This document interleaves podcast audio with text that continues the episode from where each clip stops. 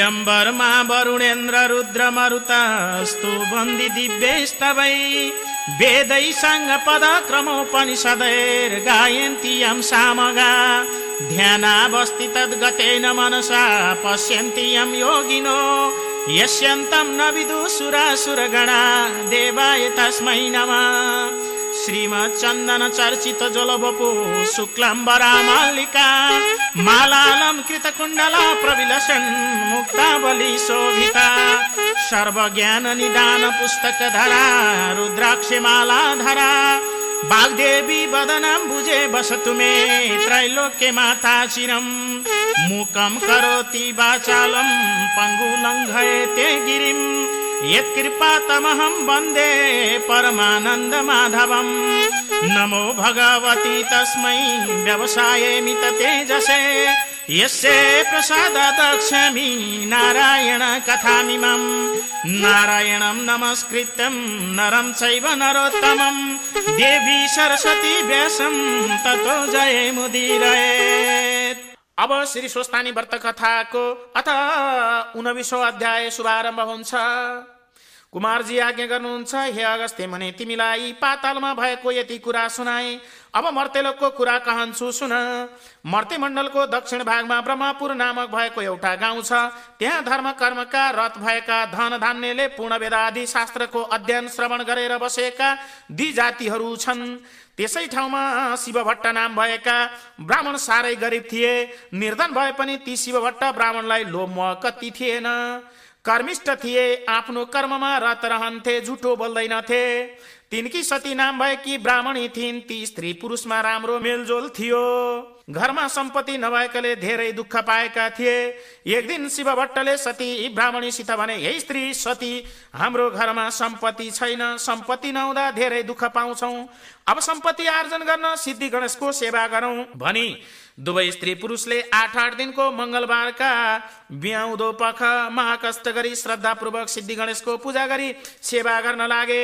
यसै गर्दा आठ दस वर्ष बित्यो।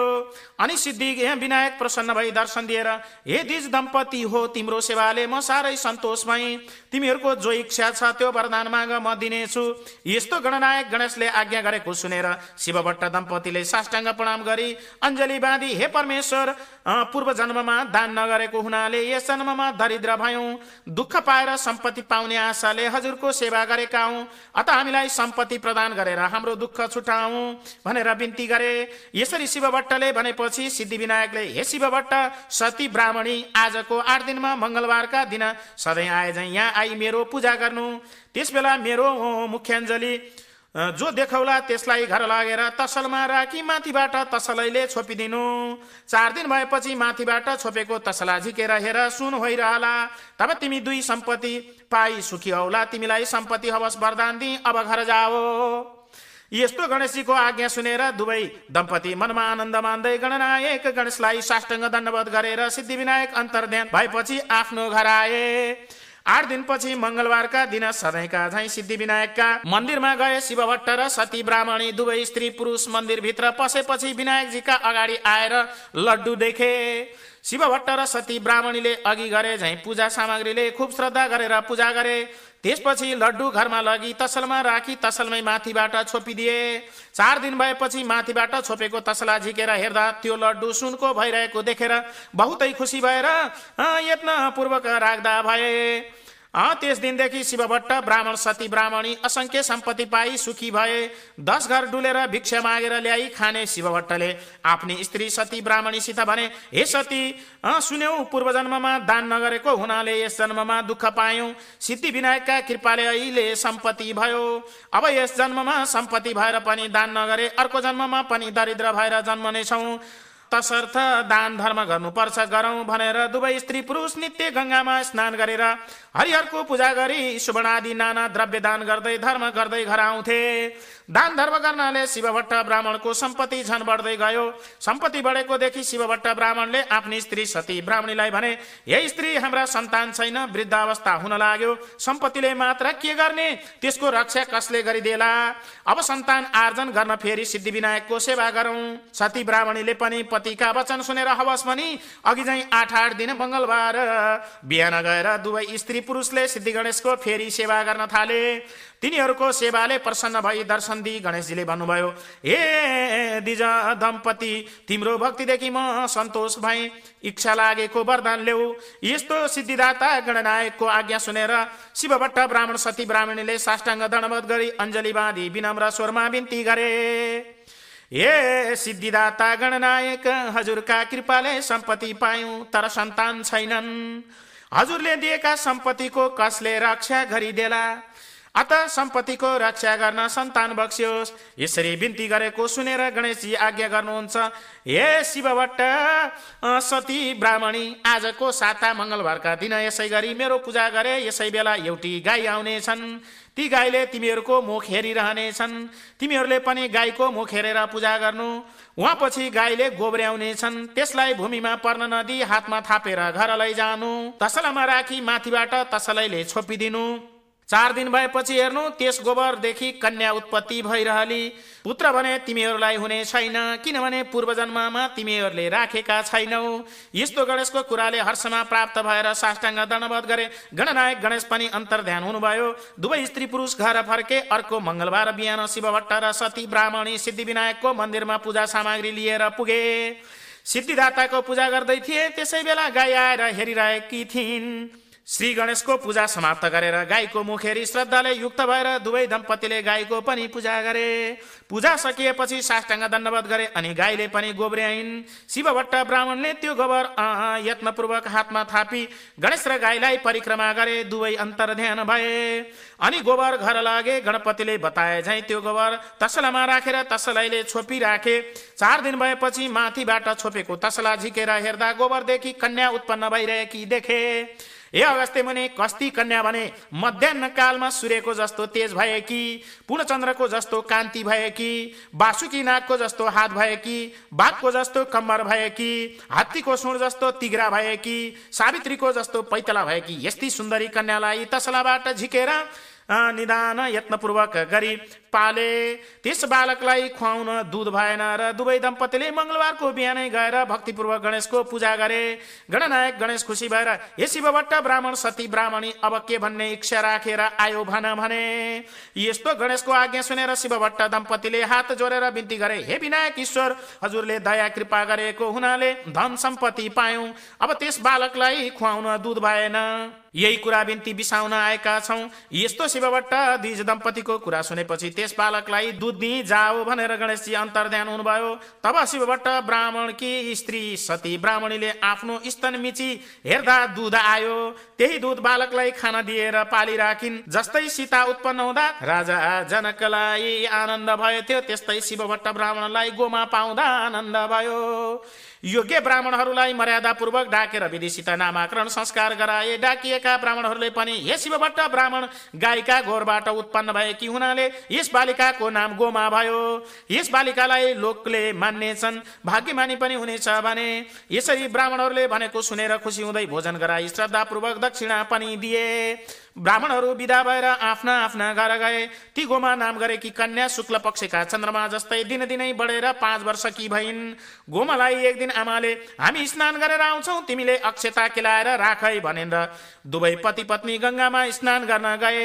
गोमाले हवस भनेर अक्षता केलाउन थालिन्। यसै गरी सधैँ हरिहरको पूजा गरेर सुवर्णादि नाना द्रव्य दान गरेर घर आउँदथे। शिवभट्ट दम्पतिका दानले अमरावती कम्प भयो। देवराज इन्द्र डराएर देवताहरू लिई श्री महादेवलाई भेट्न कैलाश पर्वतमा गए। महादेवलाई धन्यवाद गरेर हे शङ्कर मर्ते मण्डलको दक्षिण भागमा ब्रह्मपुर नाम गरेको नगर छ। त्यहाँ शिवभट्ट नाम गरेका ब्राह्मण छन्। तिनकी सती नाम गरेकी स्त्री पनि छन्।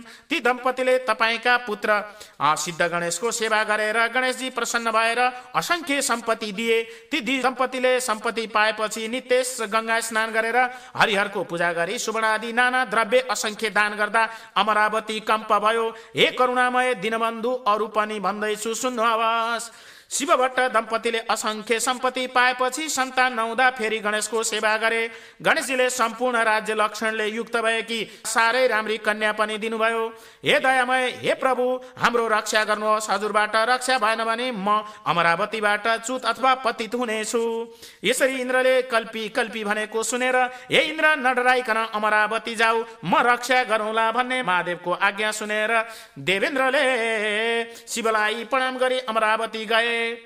देवराज इन्द्र गएपछि श्री महादेवले उनको रक्षा गर्नको निमित्त जटाको मुकुट गरी देब्रे हातमा त्रिशुल लिएर दाहिने हातमा डमरू बजाई शरीरमा भस्म लेपन गरी भिक्षुको रूप भएर शिवभट्ट ब्राह्मणका घर गएर भिक्षा मागे। गोमा ब्राह्मणी आफ्ना पिताको नित्य पूजाको निमित्त अक्षता केलाइरहेकी थिइन्। निकै बेर भिक्षुक उभिएपछि मेरा बाबा मातारी गङ्गामा स्नान गर्न जानुभएको छ म अक्षता केलाउँदैछु। एकछिन पर्ख भिक्षा दिन कोही पनि छैनन्। यो सकेर भिक्षा दिन्छु भनेर पर्खाइन्।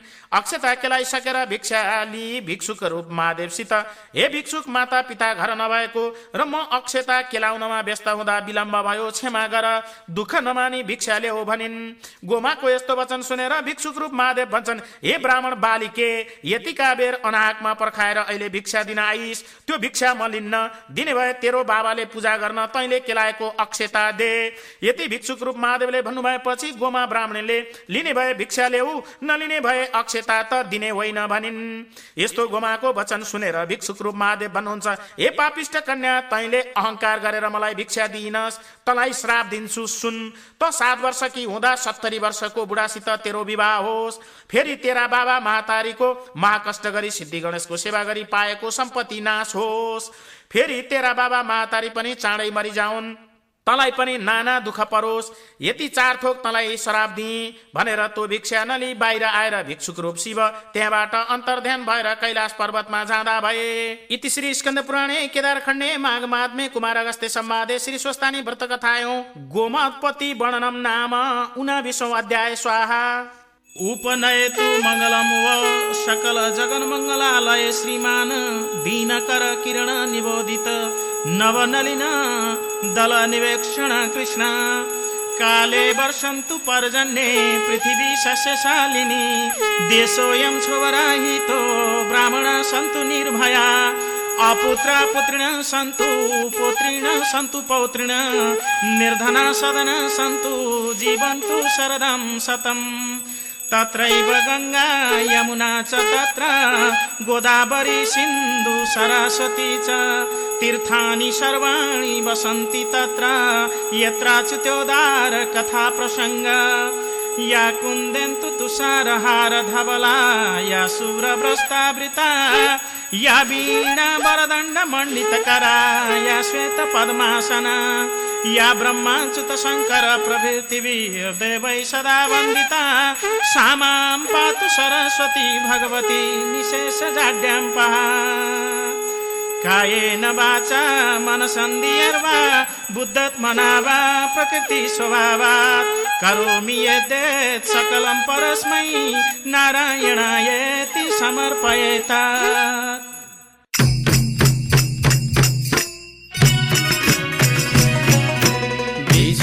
Sará